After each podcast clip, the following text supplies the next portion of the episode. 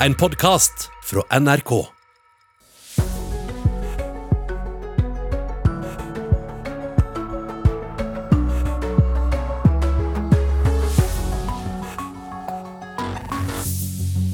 God tirsdag morgen. Kina vil ha bevis for påstanden om at de står bak et datainnbrudd mot Stortinget tidligere i år. Og norske myndigheter har direktelinje til bl.a. Facebook og Twitter i tilfelle politikere blir hacket. Koronapandemien burde vært håndtert på en bedre måte for kulturlivet. Det innrømmer kulturminister Abid Raja. Og vi skal også innom England. Der er så å si alle koronatiltakene fjernet nå, men eh, det lettes også opp i resten av Storbritannia. Selv om ingen land i verden har flere nye smittetilfeller hver dag. Ja, og Så nærmer det seg OL. Vi skal høre fra en av NRKs sportskommentatorer som er på plass i Tokyo. Dette er Nyhetsmorgen med Silje Katrine Bjarkøy. Kina vil ha bevis for anklagene om at de står bak et eh, datainnbrudd på Stortinget tidligere i år. Stortinget varslet om at de var utsatt for et dataangrep 10.3 i år. Regjeringen mener da altså at Kina står bak, men Kina avviser anklagene. Vi har gjennom den eh, etterretnings etterretningsinformasjonen vi har, eh, gjort en vurdering av at dette dataangrepet det stammer eh, fra Kina, gjennomført fra Kina. Norge er blant flere land som anklager Kina for dataangrep. Nå etterlyser den kinesiske ambassaden i Oslo bevis. De sier i en uttalelse til NRK at det er grunn til å stille spørsmål ved om dette er politisk manipulasjon. Lars Gjesvik, doktorgradsstipendiat ved Norsk utenrikspolitisk institutt, tror ikke anklagene falt i god jord. Kina er nok ikke spesielt fornøyd med å bli pekt på her. De ønsker om å være med å forme eh, den internasjonale politikken rundt dette. Innbruddet i Stortingets e-postsystemer ble utført ved å utnytte sikkerhetshull i e-posttjeneren Microsoft Exchange. Utenriksminister Ine Eriksen Søreide understreker alvorligheten i angrepet. Det er et veldig alvorlig angrep, og det er også et angrep som ramma vår viktigste demokratiske institusjon. og Derfor er vi nødt til å si ifra. Det har vi også i dag gjort. Vi har kalt inn den kinesiske ambassaden til et møte her i UD og gitt eh, tydelig beskjed om hva vi mener om dette. Norge, EU, Storbritannia, Nato og en rekke andre land fordømmer de kinesiske dataangrepene. Stortingspresident Tone Wilhelmsen Trøen mener det er nødvendig med tydelige reaksjoner. Det er betydningsfullt at eh, regjeringen eh, reagerer, eh, samtidig også med allierte land og andre organisasjoner. Skal vi bevare frie, åpne og stabile, sterke demokratier, så må vi stå sammen mot trusler som kan, kan true dette. Ja, og reporter her, det var Ingrid Heier Jorstad.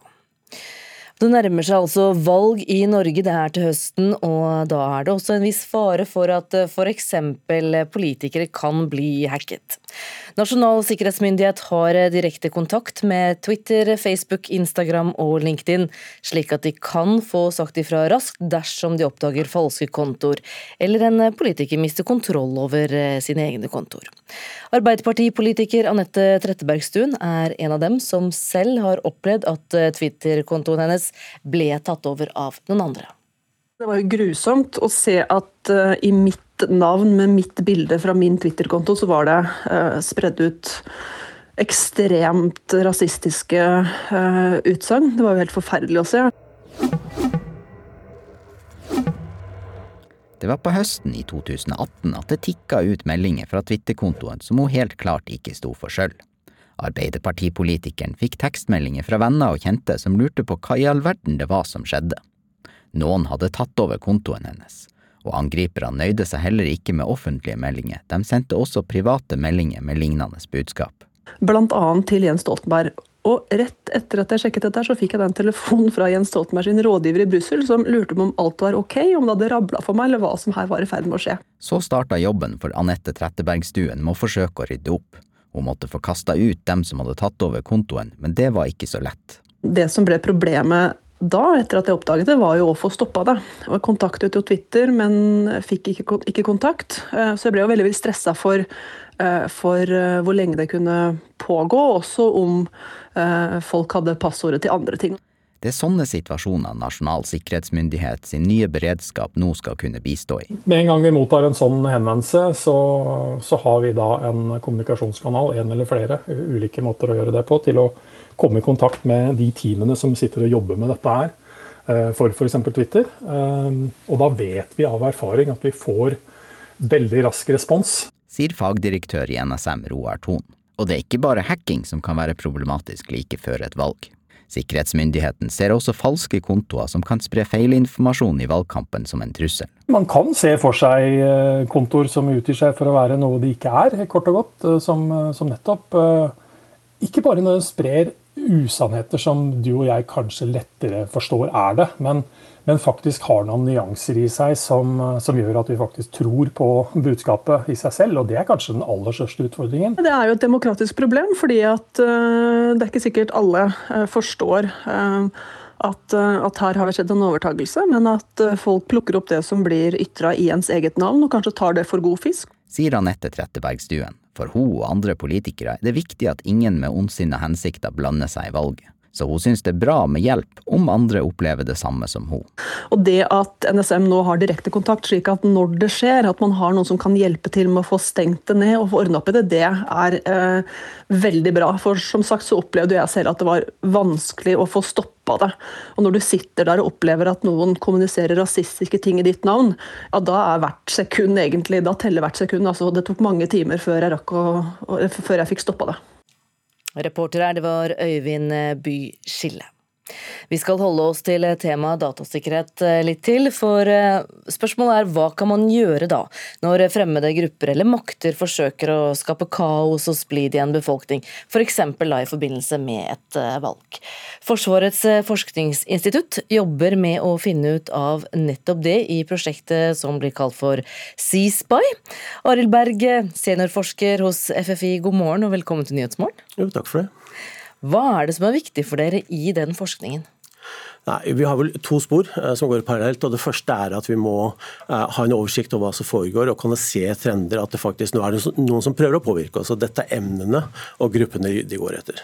Eh, og Parallelt med det så prøver vi å utvikle trening spesielt da for folk som jobber for det offentlige på forskjellige måter. Det kan være departementer, det kan være lokalt osv. Og, så sammen så håper vi at disse to sporene skal hjelpe oss til å gjøre Norge, i hvert fall i det offentlige, sterkere og mer motstandsdyktig mot dette over tid.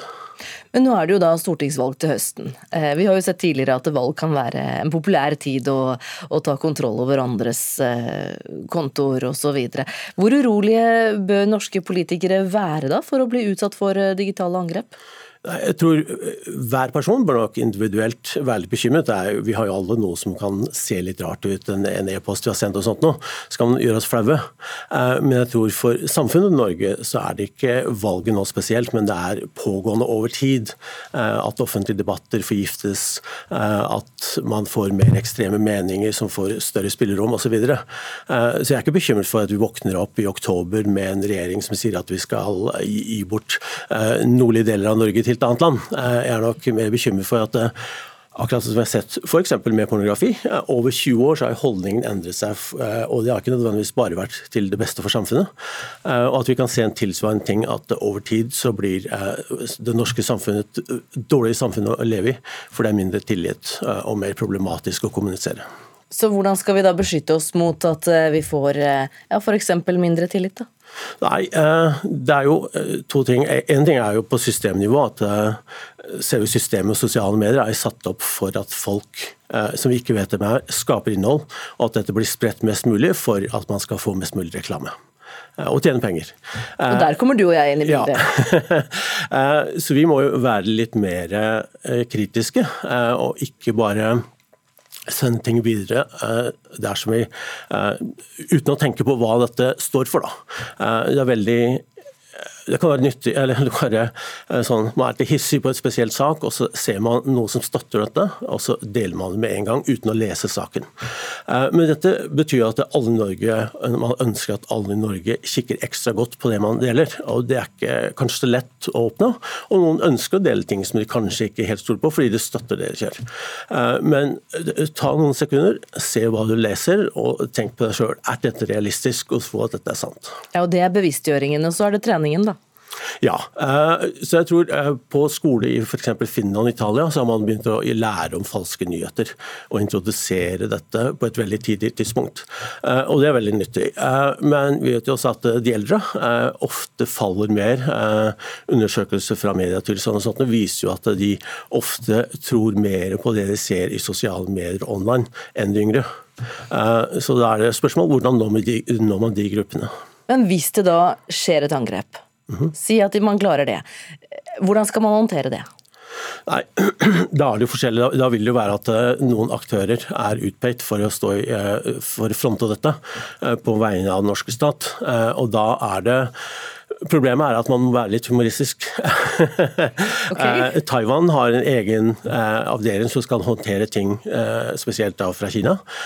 Og de skal prøve å gjøre dette innen fire timer, og med humor. Eksempel, hvordan kan man gjøre det? Nei, Jeg kan ikke noen gode eksempler å si her nå, men å, å komme ut fra, med en pressemelding som sier at dette er ikke sant, det hjelper ikke. Eh, for de som eh, vil angripe med en spesiell vinkling, angrep, vil alltid si at ja, staten prøver å, å, å, si at dette ikke er sant, eh, de lyver alltid, du kan ikke stole på det. Så Et veldig viktig element er som sagt humor, og det er kanskje noe som den norske stat og alle stater har litt vanskelig å forholde seg til.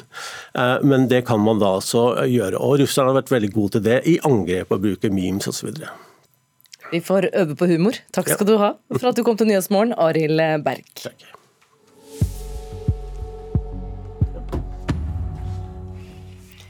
Koronapandemien burde vært eh, håndtert på en bedre måte for kulturfeltet. Det innrømmer kulturminister Abid Raja. Selv om han greide å skaffe mye penger til krisestøtte, så sier han at det var for dårlig kunnskap i departementet om hvordan kulturøkonomien fungerer.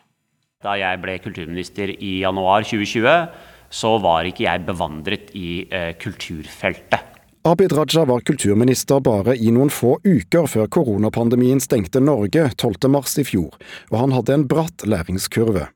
Men når pandemien rammet, var det ikke bare ministeren som manglet kunnskap. Det gjaldt også i kulturbyråkratiet. Krisepakker, koronapakker, kompensasjonspakker, stimuleringspakker. Ingen hadde peiling på hvordan vi skulle gjøre. Vi starta på scratch. Møtet med pandemirammede kunstnere ble en brå kulturkrasj for den tidligere advokaten. Når du får svært bonus som advokat, da går du og kjøper deg en fet eh, klokke, eller nå drar du til Maldivene med familien, eller oppgraderer bilen din, eller opp garderoben. Men kunstnerne, og det slo meg, kunstnerne når de får penger inn for at de har solgt et verk, de gjør ingen av de delene. De bruker alle pengene til å perfeksjonere kunstverket sitt ytterligere. Raja er fornøyd med at han greide å overbevise Finansdepartementet om hvor viktig kulturlivet er for samfunnet. Det har frigjort 10 milliarder kroner i krisestøtte, men tross mye penger i omløp er mange kulturarbeidere misfornøyd med hvordan ordningene treffer. Ja, det har vært mange som har vært skuffa, og det skjønner jeg utrolig godt. Krisen rammer, du går bak kulissene, så ser du folk har søren ikke penger. Det er så skralt, det er så dårlig, og det frie feltet, de lever i realitetene fra hånd til munn. Kulturministeren ser at ordningene har hatt svarte hull, og innrømmer at ting kunne vært gjort annerledes. Men i all hovedsak så tror jeg at om et års tid så vil folk se tilbake og tenke Kulturdepartementet stilte opp, staten stilte opp, eh, og vi gjorde det vi kunne i en ekstremt vanskelig tid sammen. Ja, Det sa kulturminister Abid Raja, og hele intervjuet med Raja det hører du i Sommerkvarteret i P2 klokka 7.45, eller selvfølgelig i appen vår NRK Radio. Reporter det var Thomas Alvarstein Ove.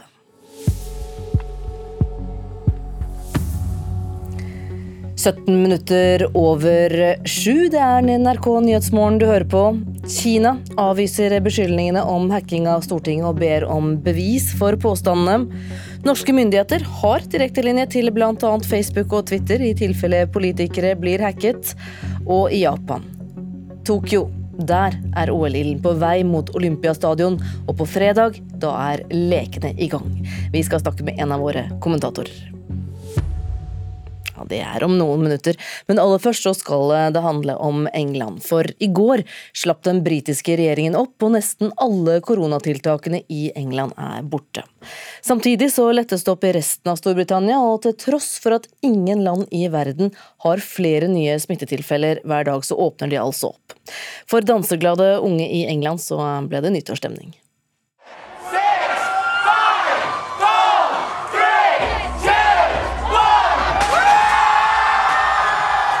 Slik hørtes det ut natt til i går i Leeds utenfor nattklubben Fiber.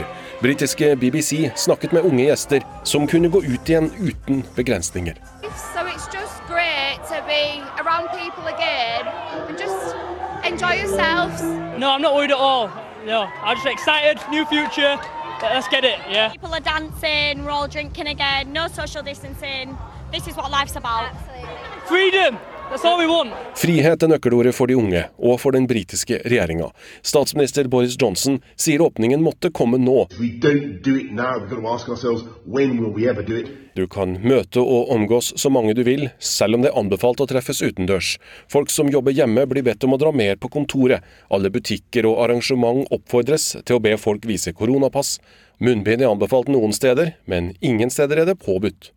Også Skottland og Wales har lettet på tiltakene, men har fortsatt begrensninger på hvor mange som kan være sammen, og fortsatt anbefalinger om hjemmekontor og bruk av munnbind. Regjeringa lener seg på at vaksinene gjør at færre blir alvorlig syke og dør, men kritikken er hard. Sjøl regjeringens egen ekspert, professor Neil Ferguson, frykter opptil 200 000 nye smittetilfeller hver dag. Særlig frykter han at hundretusener flere vil få long covid, dvs. Si langtidsvirkninger etter å ha vært koronasyke. Of people who get you know, symptomatic COVID have those symptoms for a long period of time. And so we're at about a million people with long COVID from Office of National Statistics. Yeah. Numbers go up to another half million on top of that. Det sa professor og epidemiolog Neil Ferguson til BBC. Reporter her, det var Jon Branes. Ragnhild Lund Ansnes, du bor og jobber i Liverpool i England. Hvordan opplever du åpningen av landet? Det litt som et sånt godt gammelt brettspill, hvor du rett og slett blir sendt tilbake til start. Til den forferdelige håndteringa som England hadde da pandemien brøt ut i Europa. Og nå er den verste i klassen igjen, etter å ha hatt et fantastisk program for vaksinasjon. Så det er, jeg syns det er litt nifst. Jeg er ikke klar når du tenker på at det er 40 000 nye smitta i Storbritannia bare i går. Det er nærmere 300 døde på de siste sju dagene. Ja, dødstallene noe helt annet enn de var på det verste, men samtidig så er vi absolutt ikke friskmeldt. Og alle de unge er fremdeles ikke vaksinert i det hele tatt, og blir da dytta fremover. Og mange barn og unge er engstelige fordi de føler seg ubeskytta i denne nye fasen. Hva tror du er grunnen da til at regjeringen slipper opp på koronatiltakene, selv om da smittetallene er på vei opp? Jeg tror først og fremst det kanskje føles som et press fra befolkninga, fordi at folk opplever en veldig slitasje i forhold til alle de strenge restriksjonene. Det har vært tøft å bo i England de siste månedene. Over et år nå så har vi jo hatt utrolig mange strenge tiltak og møtt veldig lite mennesker. Og så tror jeg det er et press fra næringslivet, og så tror jeg også det handler om økonomi for regjeringa. fordi at de her pakkene som vi som driver forretninger, særlig i hospitality og i restaurantnæringa, vi har jo Det må jo ha kosta regjeringa enorme pengesummer. Ja, Du er jo selv en av de som driver næring, du driver hotell i Liverpool. Hvordan, hvordan har koronatiden vært for deg som næringsdrivende? Nei, Det har vært helt forferdelig, rett og slett. Vi er jo en gjeng med norske Liverpool-fans som har bygd drømmen Hotell Tia like ved Anfield stadion, som da er drømmested for Liverpool-fans fra hele verden. Og vi opplevde jo en helt fantastisk start. Det sa bare pang, så hadde vi mennesker fra hele verden som fylte, fylte hotellet og den store ølhagen vår. Og så sa det bare stopp. Og hadde det ikke vært for helt fantastiske medeiere og private banklån. og Hadde det ikke vært for den helt enorme støtten vi opplevde fra norske Liverpool-fans, og ikke minst de her økonomiske pakkene fra regjeringa, så hadde vi ikke vært her i dag. Og det er jo uh, ikke noe særlig når du har satsa absolutt alt og, og røska barna dine opp fra røttene i Norge og starta på nytt for å, for å satse såpass som vi har gjort. Så det har vært veldig veldig krevende, men uh, vi er heldigvis uh, så vidt i gang igjen. Og vi gleder oss veldig til verden blir mer normal igjen. Men jeg tror det kommer til å ta tid før vi opplever den internasjonale turismen som vi trenger med hotelltida. Ja, litt som å rykke tilbake til start, sa du i sted. Hva er inntrykket ditt av hvordan folk flest i England tar imot gjenåpningen som er nå i sommer. Vi hørte jo det at det var eh, ja, nyttårsstemning eh, blant folk. Ja, fordi det er en helt annen kultur i Storbritannia. I Storbritannia så møtes man ikke like mye hjemme som vi gjør i Norge.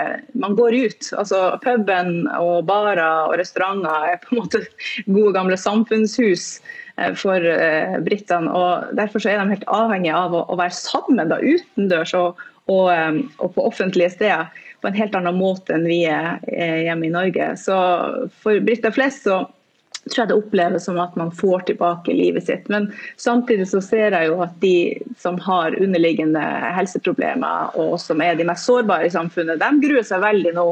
Fordi at nå blir bare ansvaret dytta over på dem igjen. At nå får dere bare holde dere hjemme og sjøl isolere dere eh, til verden blir bedre. Og Det tenker jeg er en ganske trasig metode da, for de, for de mest sårbare i samfunnet, og for, de, og for barn og unge. Ragnhild Lund Ansnes, helt kort, tiden er i ferd med å løpe fra oss eh, denne morgenen. Men eh, tror du det blir en nedstengning til høsten, eller kan eh, engelskmenn fortsette å leve som normalt også utover høsten?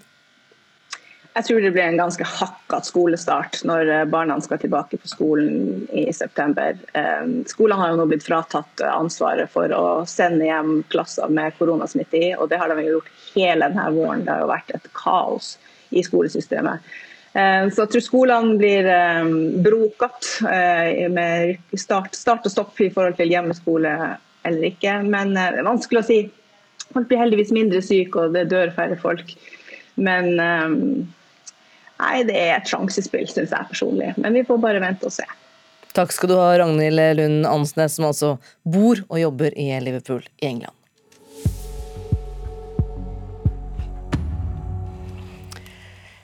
I eh, Tokyo der er OL-ilden nå på vei mot Olympiastadion, og på fredag, om bare noen få dager, altså, da er lekene i gang. Og det blir et annerledes OL, bl.a. da uten publikum, og et OL som mange helst eh, skulle sett at det ikke ble noe av i det hele tatt. Journalist her i NRK, Andreas Stabrun Smith, eh, du skal kommentere lekene for NRK radio. Andreas, du er også med oss fra Japan nå. Dette er langt ifra ditt eh, første OL for NRK, men dette blir annerledes enn tidligere. Hva, hva er det som er den største forskjellen? Nei, Det er jo alle omstendighetene som er rundt uh, sikkerhet, rundt pandemien osv. Jeg har vært på OL i, i, både Kina og Russland, land som vi forbinder som litt lukkede. Men der har det vært uh, veldig lett nå å komme på flyplassen og de 'velkommen til OL', og så er man rett igjennom, så får man dette akkrediteringskortet.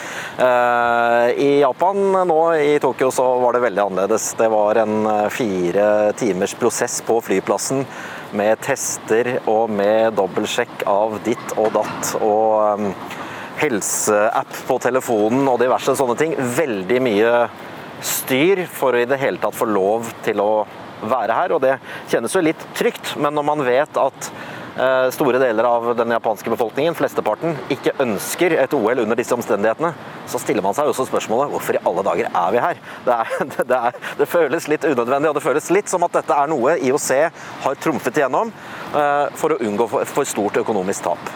Ja, for det var spørsmålet. Hvorfor? hvorfor hva er svaret? Hvorfor er vi der? Men det er penger. Nei, det, nei det, det, det, først og fremst er toppidrett. Det er blitt enormt med penger. og uh, eh, IOC vil gå på enorme tap dersom dette nå var blitt avlyst. og Jeg kan se for meg, uten at jeg har lest kontraktene veldig nøye, at Siste fristen det var i 2021 å få dette unna, hvis ikke så hadde det blitt avlyst. Det har jo blitt uh, sagt. Og så er det jo uh, en del mennesker som har ofret veldig mye av sitt liv for å prestere bra i OL i Tokyo. Vi skal ikke undervurdere at idrettsutøverne de driver kun med dette, og dette er det aller største de opplever. Så for dem så er det nok uh, fint å faktisk få gjennomført det. Arrangørene tar eh, smitterisikoen på alvor og har gjort eh, tiltak. Annet så må da utøverne prestere for eh, tomme tribuner. og så er spørsmålet da, Hvordan er det bak kulissene, bl.a. for dere som jobber da med å formidle fra disse lekene? Nå er det tidlig ennå, men jeg syns det, det, er færre mennesker i aksjon rundt uh, lekene. Altså mindre mennesker på pressesenter osv. Og, uh, og så er det jo for oss veldig spesielt. Vi får bare lov til å være i akkreditert sone, sonen som dette gir oss adgang til. Eller så må vi være på hotellet. Så vi er faktisk satt i 14 dagers karantene her sånn. Uh, akkreditert sone, det, det, gjelder. Men ellers så, er det hotellrommet som gjelder. Så da må vi bestille mat og få det kjørt til hotellet. Så det er ikke noen stor Tokyo-opplevelse vi opplever nå de første 14 dagene vi er her, i hvert fall. Men det med å snakke med utøvere og trenere, det er viktig. Hvordan eh, kommer dere i kontakt med dem nå da under lekene? Du, det er vi faktisk veldig spente på. fordi at uh, det er ikke gitt at det går som, helt som smurt. men uh, Olympiatoppen i Norge har i hvert fall et fint opplegg for at vi skal få lov til å møte de norske. Ehm, Så får vi se om vi får adgang til de sonene også. Det er restriksjoner på alt her, sånn, så vi, er, så vi er litt usikre på hvor mye det blir. Men i hvert fall så er det en uh, veldig streng regel. Det er to meter til utøveren, så uh, vi har fått utdelt en sånn uh, lydbom som vi skal få gjort disse intervjuene med, sånn at lytterne på NRK kan få høre. og Den kan bli to meter lang. Altså så, en stang med mikrofon på som, som viser hvor lang avstand det er. Endelig får jeg igjen for å ha vært fisker eh, på sommerstid i flere år i Hemsedal. Ja, Det kommer godt med. Takk skal du ha for at du var med i Nyhetsmorgen, Andreas Stabrun Smith. Vi gleder oss til å høre fra OL i eh, Tokyo. Klokka nærmer seg 7.30, og det betyr at eh, Vidar Eidhammer straks er klar med Dagsnytt.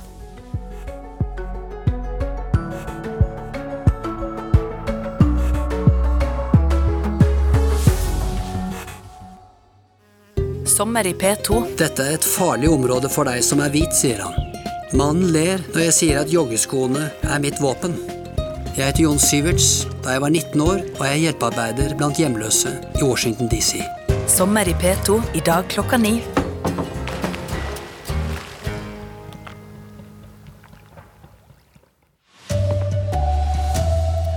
Styresmaktene kan nå ta direkte kontakt med store sosiale medium dersom det blir dataåtak mot politikere under valgkampen.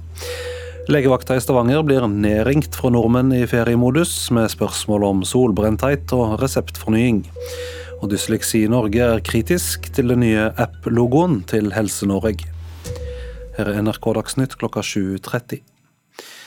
Styresmaktene har fått sette opp egne direkteliner til store teknologiselskap dersom politikere blir utsatt for dataåtak i valgkampen. Med direkte kontakt til Twitter, Facebook, Instagram og LinkedIn kan Nasjonal sikkerhetsmyndighet raskt få sagt fra dersom det blir laga falske kontoer, eller dersom en politiker mister kontrollen over kontoene sine. Anette Trettebergstuen fra Arbeiderpartiet har opplevd at noen tok over Twitter-kontoen. Det var jo grusomt å se at uh, i mitt navn med mitt bilde fra min Twitter-konto, så var det uh, spredd ut ekstremt rasistiske uh, utsagn. Det var jo helt forferdelig å se. Det var på høsten i 2018 at det tikka ut meldinger fra Twitter-kontoen som hun helt klart ikke sto for sjøl. Noen hadde tatt over kontoen hennes. Det som ble problemet da, etter at jeg oppdaget det, var jo å få stoppa det. Jeg kontaktet jo Twitter, men fikk ikke, ikke kontakt. Eh, så jeg ble jo veldig, veldig stressa for, eh, for eh, hvor lenge det kunne pågå. Det er sånne situasjoner Nasjonal sikkerhetsmyndighet sin nye beredskap nå skal kunne bistå i. Med en gang vi mottar en sånn henvendelse, så, så har vi da en kommunikasjonskanal, en eller flere ulike måter å gjøre det på, til å komme i kontakt med de teamene som sitter og jobber med dette her. Eh, for f.eks. Twitter. Eh, og da vet vi av erfaring at vi får veldig rask respons. Sier fagdirektør i NSM Roar Thon. Og det er ikke bare hacking som kan være problematisk like før et valg. Man kan se for seg kontor kontoer som utgir seg for å være noe de ikke er, kort og godt. Eh, som, eh, som nettopp Ikke bare når de sprer usannheter som du og jeg kanskje lettere forstår er det, men men faktisk har noen nyanser i seg som, som, gjør at vi faktisk tror på budskapet i seg selv. Og det er kanskje den aller største utfordringen. Det er jo et demokratisk problem. Sier Anette Trettebergstuen. Og det at NSM nå har direkte kontakt, slik at når det skjer, at man har noen som kan hjelpe til med å få stengt det ned og få ordna opp i det, det er eh, veldig bra.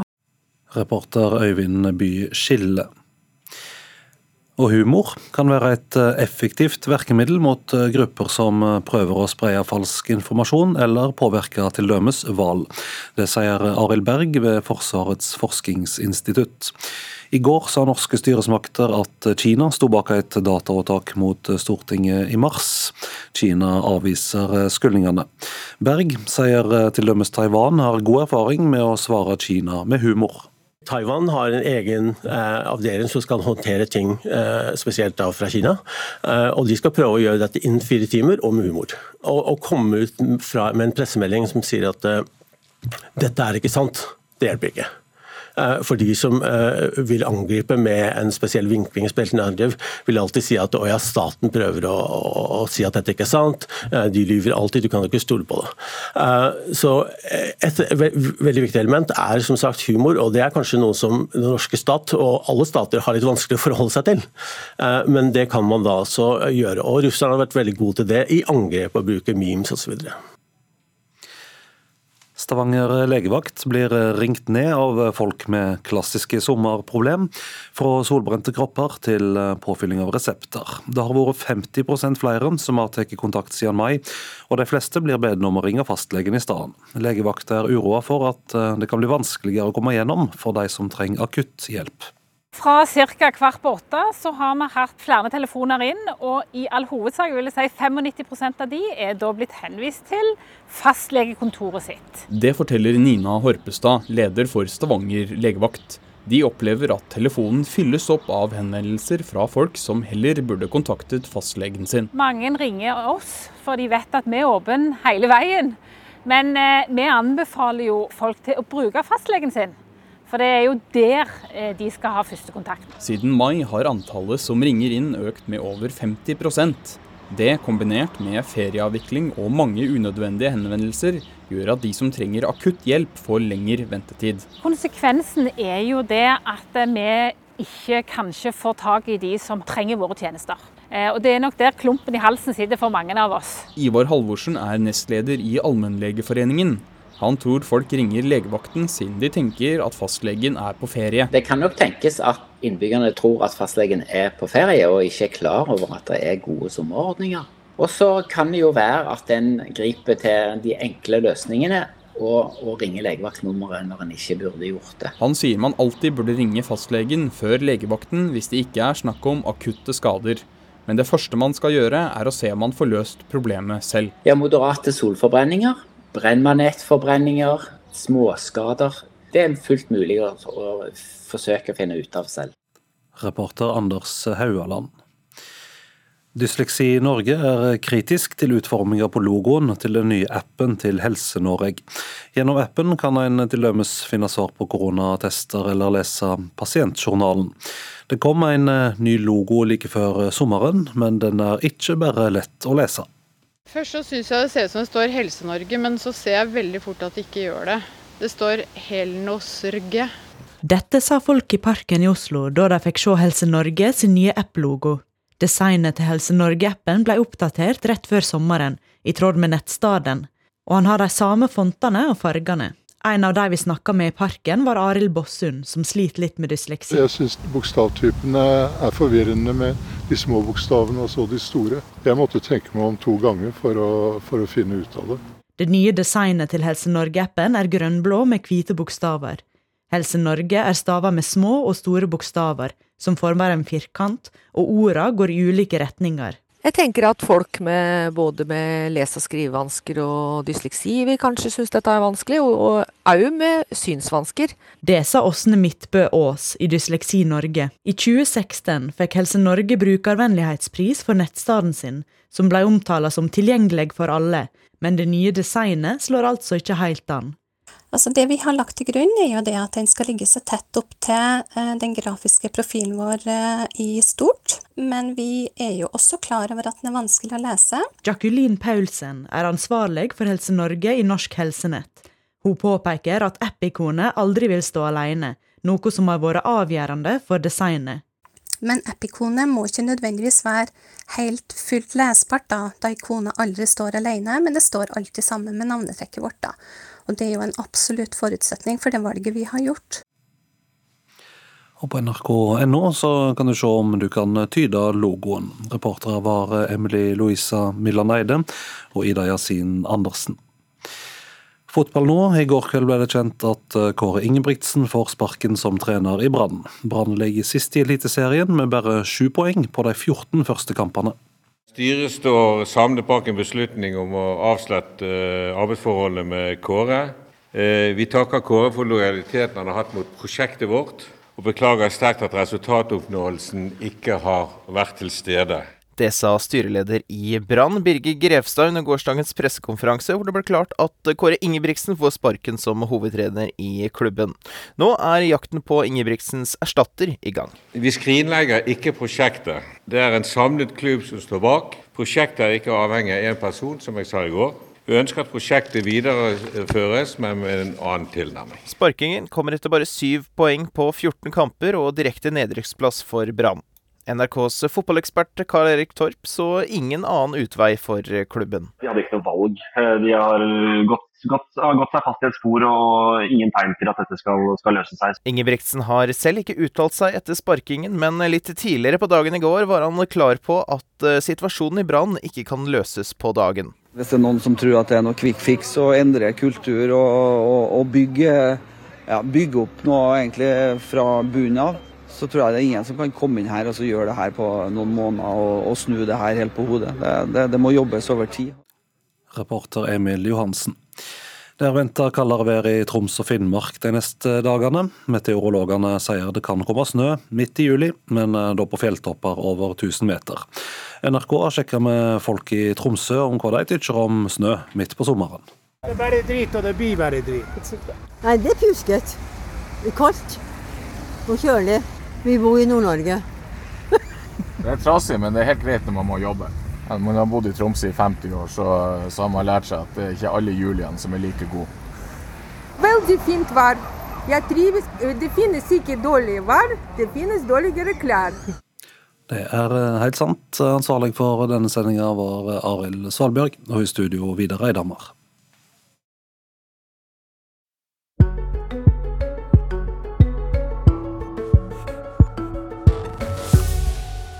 Og fra Tromsø så skal vi til Hamar, for på Vangsåsen der ligger det et hundehotell som heter Hundeloungen. Der kan vi nå få møte mange som har booket plass i den travle tiden som vi nå er inne i sommerstid. Reporter Erlend Arnesen har vært på besøk på Hundeloungen. Ja, så viser jeg litt rundt, da. Ja, gjør det. nå er det jo som sagt noen hunder som ligger inne pga. varmen. Ja. Som, så nå er det noen hunder i parken som får aktivisering der. Og så er det noen hunder som er på tur. Og så er det noen som venter inne fordi det er for varmt til å stå ute i luftegården nå over lengre tid. På hundelodgen i Vangsåsen på Hamar driver Anne Siri Brun Follerås og familien et hundehotell. Nå i sommer er det helt fylt opp med firbeinte krabater. Nei, nå, nå er det tatt seg opp veldig, så nå må vi dessverre si nei til en del. fordi nå er det, nå er det fullt i hundehotellet. Det er mange som eh, tar spontanturer, og som booker litt i siste liten. Og så før sommeren så var vi ikke sikre på om det kom til å bli fullt, men det, det har det blitt, altså. Fullt har det blitt, og sånn er det jevnt over hele landet nå. Men Anne Siri vet råd om du ikke skulle finne en plass til din hund. Og får man ikke plass på et hundehotell eller en kennel hvis man hadde tenkt det, for det, det er vanskelig nå, så er det jo ikke noe veien for å Det er veldig mange privatpersoner som ønsker å passe hunder. Ja. Så det går an å legge ut noen følgere på det på sosiale medier, eller sånn, så får man ofte god hjelp til det, altså. For ikke lang tid tilbake var det flere oppslag om at folk i koronatida fikk seg nye kjæledyr. Ja, det tror jeg det er veldig mange som har gjort. Eh, og det, det, får vi jo mye info på. At eh, er mange som har skaffa seg hund, og to at det er veldig vanskelig å skaffe seg hund for dem som nå har bestemt seg for å få hund. Eh, det er eh, ventelister hos veldig mange seriøse oppdrettere. Og det er tydelig at det er veldig mange som har kommet inn på den tanken nå. Hei, du! Hvem er dette? Det er Happy. Happy? Ja. Hei, Happy. Hun har mye pels nå og er svart, så det er litt uh, varmt, ja. godt og varmt oppe. Hun ligger stort sett i skyggen og har bada litt, men uh, nå tror jeg hun begynner å bli fornøyd. Pappa Geir kommer med et knalltips nå i sommervarmen. Hvis de liker å bade, så er det greit å kjøle ned med litt bading. Da, ja. da heller de seg bløte en stund, og da tar det litt tid før temperaturen blir uh, for høy hatt. Og skal du ut på sommertur med hunden din, så har Anne Siri gode råd. Så ha med litt ekstra med vann. Kjøp ei kjølematte for å ha i bilen, eller en kjølevest. Eh, legg til rette for at man kan stoppe og bade og, mm. og litt sånn. Og, og, dra på plasser med overnatting hvor det er greit å ha med hund, så, så det slipper å bli stress. Sånn I forhold til eh, hundehotell, da, sånn som vi driver her, så de fleste hundene har jo veldig fint når de er her. Men hvis du har en unghund på sånn fire til eh, ti måneder, eh, og som aldri har vært på et sånt type sted før, og så skal du på to ukers sommerferie mm. Veldig fint å prøve å venne hunden til å være på et hundehotell før du skal på den lange ferien. Sånn at de får et par helger liksom, på seg. og Hvis ikke så kan det bli stress for dem. Altså. Alt er nytt, og det er mye nye hunder. og Rett inn i høysesong, det, det er ikke alltid alle takler det så godt. Så det du sier at dette må planlegges litt, istedenfor å bare droppe hunden inn når det passer seg at ferien plutselig skulle starte? Absolutt. Vi anbefaler alltid prøvehelg for nye, nye, hunder som ikke har vært her før. Mm. Spesielt for de unge. Hundetilvenning altså, og til slutt der så hørte vi Anne Siri Brun Follerås. Reporter det var Erlend Arnesen. Det er eh, Nyhetsmorgen i NRK du hører på. Klokka er 7.44. Eh, Myndighetene kan nå ta direkte kontakt med store sosiale medier dersom det blir oppdaget dataangrep mot politikere under valgkampen. Legevakten i Stavanger blir nedringt fra nordmenn i feriemodus med spørsmål om solbrenthet og fornyelse av resepter. Og Dysleksi Norge er kritisk til den nye app-logoen til Helse Norge. Klokka er altså straks eh, kvart på åtte. Det betyr Sommerkvarteret, hvor du får eh, møte nestleder i Venstre Abid Raja. Han krysser fingrene for at velgerne vipper partiet over sperregrensen til valget til høsten. Og får han fornyet tillit, så vil det være en mann med ny, mye ny kunnskap som fortsetter på Stortinget. Som kulturminister fikk han en bratt læringskurve, sier han. Det forteller han til reporter Thomas Alvarstein Ove.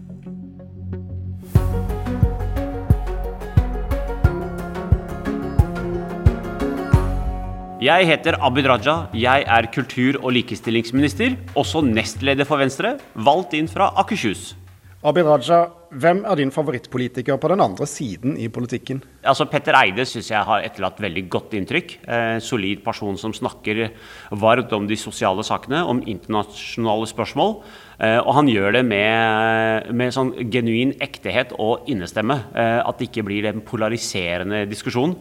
Venstre og SV har veldig mange verdisaker som vi deler. Eh, vårt engasjement for miljøet, det internasjonale spørsmålet, med unntak når det kommer til eh, Nato og, sånn da, og, EU. Eh, men, men, utenom det, og ikke minst da solidaritet med, med, svake individer både i Norge og internasjonalt, det er jo engasjement som, som vi deler. Hva har vært det beste for deg under koronapandemien? Huff da. Det, altså, det, jeg kan egentlig ikke si hva som har vært det beste, for det er ingenting som har vært det beste. Det som har vært en en opplevelse, positiv opplevelse å se, det er jo det samhold og fellesskapet som nordmenn har hatt eh, med hverandre, eh, for hverandre. At man har deltatt i det utslitte begrepet dugnad. Men når man har, til tross for at det har vært mørke dager og tunnelen har blitt lengre og lengre, så har man allikevel Man har diskutert, man har vært uenig, man har sagt fra. Men man har allikevel stilt seg bak de rett og slett de, de, de, kravene som myndighetene har stilt, de restriksjonene man har laget. Og den iboende viljen til nordmenn til å stille opp for hverandre, det er noe, noe av det mest positive vi er nødt til å ta med oss videre fra pandemien. Har koronatiden lært deg noe? Jeg har holdt på å si altfor mye. Jeg kan være ærlig at da jeg ble kulturminister i januar 2020, så var ikke jeg bevandret i kulturfeltet. Det var jeg ikke. Det, jeg hadde sittet i første periode på Stortinget, og egentlig det største jeg gjorde da, var egentlig å forhandle frem Nasjonal transportplan. Det var viktig. Jeg var en god samferdselspolitiker de første fire årene. Og så gikk jeg inn i finanskomiteen, hvor du forhandler revidert budsjett og krangler og statsbudsjett. Og, så det når jeg kom inn i Kulturdepartementet, så egentlig det jeg hadde med meg, var eh, store penger, Nasjonal transportplan, og store penger statsbudsjett. Og så var jeg kulturminister i fem uker før landet stengte ned. Så de første fem ukene jeg, Egentlig så gjorde jeg det jeg kunne for å lære meg departementet. Men når koronaen traff, jeg kunne egentlig ikke vende meg verken til høyre eller venstre for å finne et orakel som kunne fortelle meg hvordan kulturøkonomien er sammensatt. Jeg ble egentlig møtt av mine egne fordommer. Fordi jeg hadde sånn positive fordommer om kulturen. Når du drar på opera eller på teatret, så ser du glitter, og du ser ikke sant, det er litt store svevende Eh, også som kulturminister, krisen rammer. Du går bak kulissene, så ser du folk har søren ikke penger. Det er så skralt, det er så dårlig. Og det frie feltet, de lever i realitetene fra hånd til munn. Og jeg var ikke vant til dette. Jeg kom fra en advokathverdag i bakover i tid. Og når du får svært bonus som advokat, da går du og kjøper deg en fet klokke, eller nå drar du til Maldivene med familien, eller oppgraderer bilen din, eller opp garderoben. Men kunstnerne, og det slo meg, kunstnerne når de får penger inn for at de har solgt et verk, de gjør ingen av de delene. De bruker alle pengene til å perfeksjonere kunstverket sitt ytterligere. Og når pandemien treffer, teppet bare forsvinner under, under, beina på de. Jeg står der, og jeg skal fikse på en måte økonomien. Og det var ingen å venne seg til å si hvordan funker dette? fordi at altså, Det vi har holdt på med i departement og regjering, det er vi, vi jobber med den statlige kan vi gjerne si, da, den statlige kulturen. Hvor vi stiller opp for institusjonene. Vi lager liksom mekanismer for det frie feltet gjennom Kulturrådet. Og så har vi armlengdes avstand. Men krisepakker, koronapakker, kompensasjonspakker, stimuleringspakker Ingen hadde peiling på hvordan vi skulle gjøre. Vi starta på scratch. Men det jeg kan si med hånda på hjertet Jeg har nå eh, en veldig god mastergrad i kulturøkonomi. Eh, og vi har blitt et type mini-finansdepartement for kultur. Det, det er, beløpet er svimlende 10 milliarder kroner ekstra fra Kulturdepartementet. Og jeg er stolt av å kunne si at vi er det landet i verden som har stilt opp på romsligst vis for dette. Og vi har sikret at kulturen har hatt muligheter til å opptre også under koronaen, og kommer til å klare seg og komme seg gjennom denne koronaen. Det er jeg veldig stolt over. Hvor nyttig har det vært å ha bakgrunn fra finanskomiteen i, i dette koronakjøret, der du skal skrape til deg penger til kulturlivet? Eh, det er ingen som får gjennomslag hos Finansdepartementet. Det er Hele meninga med Finansdepartementet er egentlig å holde igjen alle gode sakene, for det er mange gode saker. Så det, det vi har fått til, er jo fordi vi har argumentert godt for uh, våre saker. Uh, vi har klart å få frem kul hvorfor kulturen, idretten, frivilligheten er viktig. Det er rett og slett limet i samfunnet, og vi kan ikke la det limet gå i oppløsning. Vi har helt vedtatte mål med idretten, med frivilligheten idrett og kulturen. Det var liksom målet om å, å, å klare det. Og jeg vil si at det, er, det har vært stort av Finansdepartementet å faktisk se at dette limet i samfunnet kan ikke forvitre. og Derfor har vi også fått gjennomslag for det. Men nå sitter vi i, i, et av møterommene i Kulturdepartementet, og her har det nok gått uh, mange fra kulturlivet skuffet ut etter møtet med deg det siste året, selv om du har uh, rasket til deg rekord uh, mye penger, nesten, for å si det sånn. Hvordan har det vært å, å, å få den skuffelsen fra kulturlivet i retur? Ja, det har vært mange som har vært skuffa, og det skjønner jeg utrolig godt. Grunnen til at jeg skjønner det, er fordi de har Altså, det, koronaen er Koronaen er ikke gøy koronaen er moroødelegger nummer én. Det, det, er destruktivt for de som eh, lever av å spille og opptre for andre. At du samler publikum. Og når du ikke kan ha publikum, så dreper jo egentlig koronaen all mojo. Ja, det er mange som ikke har fått den, nødvend den nødvendigste hjelpen. Men vi har virkelig nådd ut. Det er utrolig mange som også er fornøyde. Og så er det litt sånn mediemessig at det er, det er ikke alltid de som er mest fornøyde som får de største oppslagene. Eh, men det er veldig mange som også har fått hjelp Og de som ikke har fått hjelp, de skal vi også fortsette å hjelpe i fortsettelsen. Så jeg, jeg, har, jeg, jeg har ingen klager i forhold til de som har klagd. Jeg har tenkt at jeg skjønner godt at folk har det vanskelig. Når du mister levebrødet ditt, du ikke har eh, rett og slett ikke mat til å betale regningene dine, og du kan ikke liksom eh, kjøre unga dine til trening. Det er, det er kjempevanskelig. Fortvilet situasjon de har havnet i. Og så har vi gjort det vi har kunnet innenfor statsstøtteregelverket, ESA-regelverket, eh, for å lage ordninger. Og sluttproduktet er verdens romsligste kulturordning. Bedre enn alle andre ordninger, også i Norge, kan jeg si med litt eh, glimt i øyet. Så du mener du kan stå med rak rygg når denne pandemien er eh, historie, og se kulturfolk i øynene og, og si at du gjorde det du kunne? Jeg vil si Stort sett så vil jeg kunne gjøre det. Eh, og så vet jeg at det har også vært eh, svarte hull. Det har også vært eh, hvite flekker. Det har også vært folk som har falt igjennom. Fordi de, altså det har ikke vært mulig å lappeteppe det til. Men vi har laget ordninger både gjennom eh, Arbeid- og sosialdepartementet for frilansere og selvstendig næringsdrivende, for de som er næringsdrivende gjennom eh, Finansdepartementet og Næringsdepartementet. Og så har vi laget våre egne ordninger gjennom kultur for å supplere det. Eh, og, og, og også innafor her så har vi gjort kreative ting som altså en, jeg tror det var Petter Snare, som er daglig, altså, sjefen på Kode i Bergen.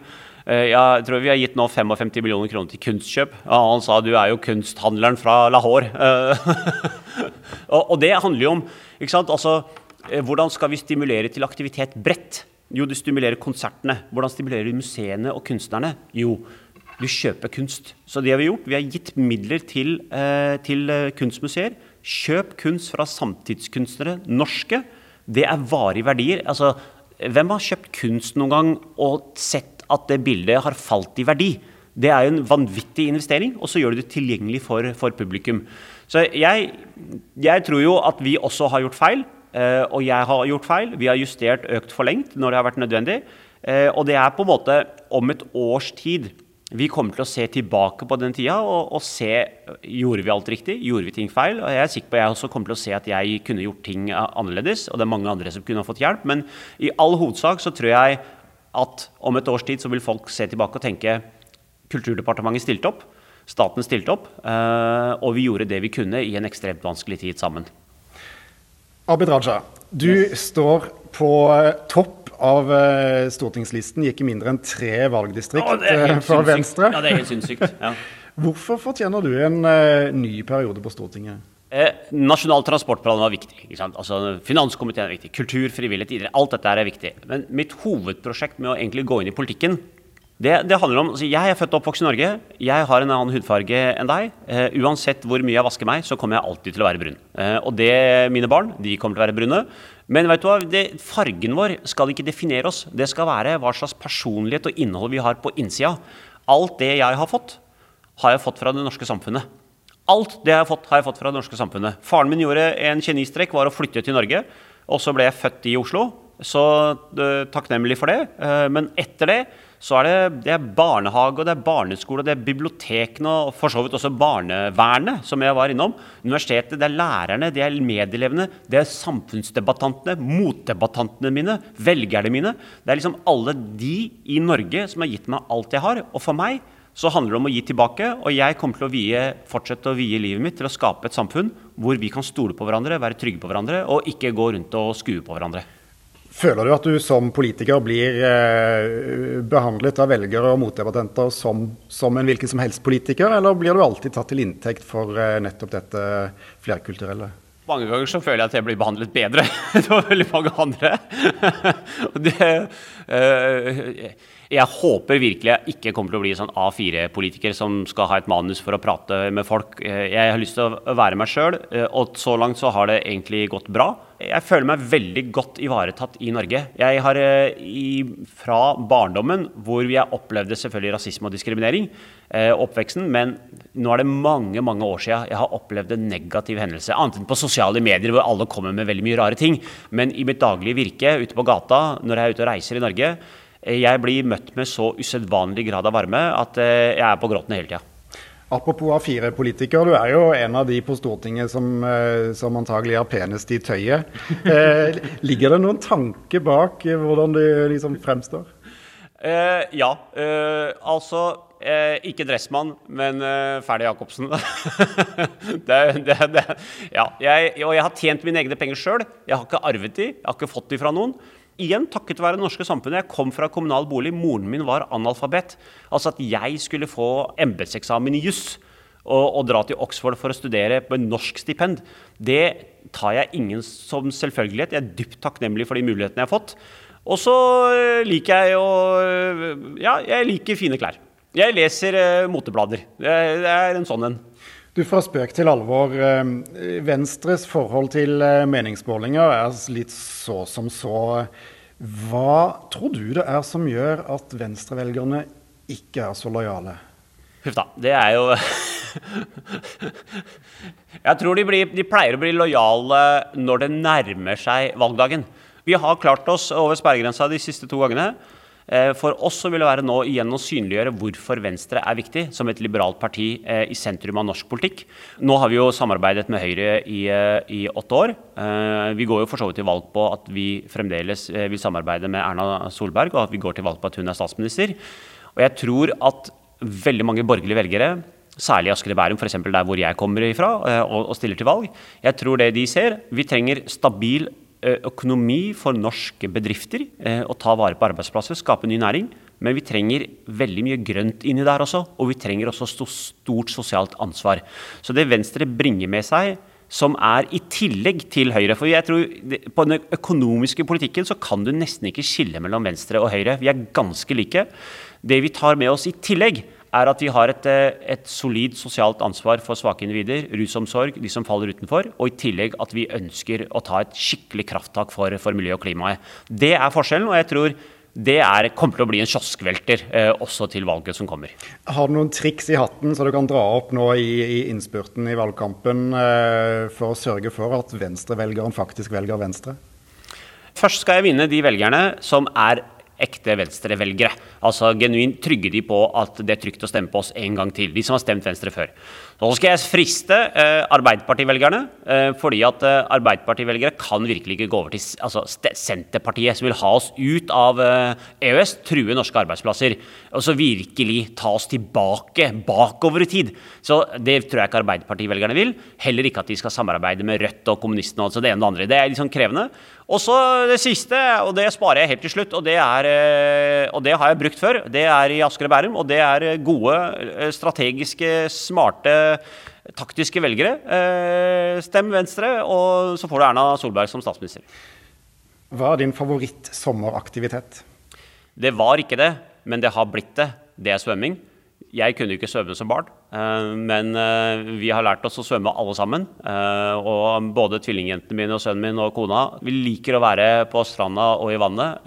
Så ja, vi må gjøre noe med svømmeferdighetene til barna våre. Det, det, har vi tatt et krafttak på i de siste årene med barnehagesvømmeopplæring. NRK har satt god fokus på dette gjennom sommerprogrammet og svømmeopplæring. Det må vi fortsette å gjøre, for med det vannet vi har i dette landet, så kan vi ikke ha det at barn ikke kan redde sitt eget liv. Abid Raja, takk for at du var med i Sommerkvarteret. Helt gull. Kos dere.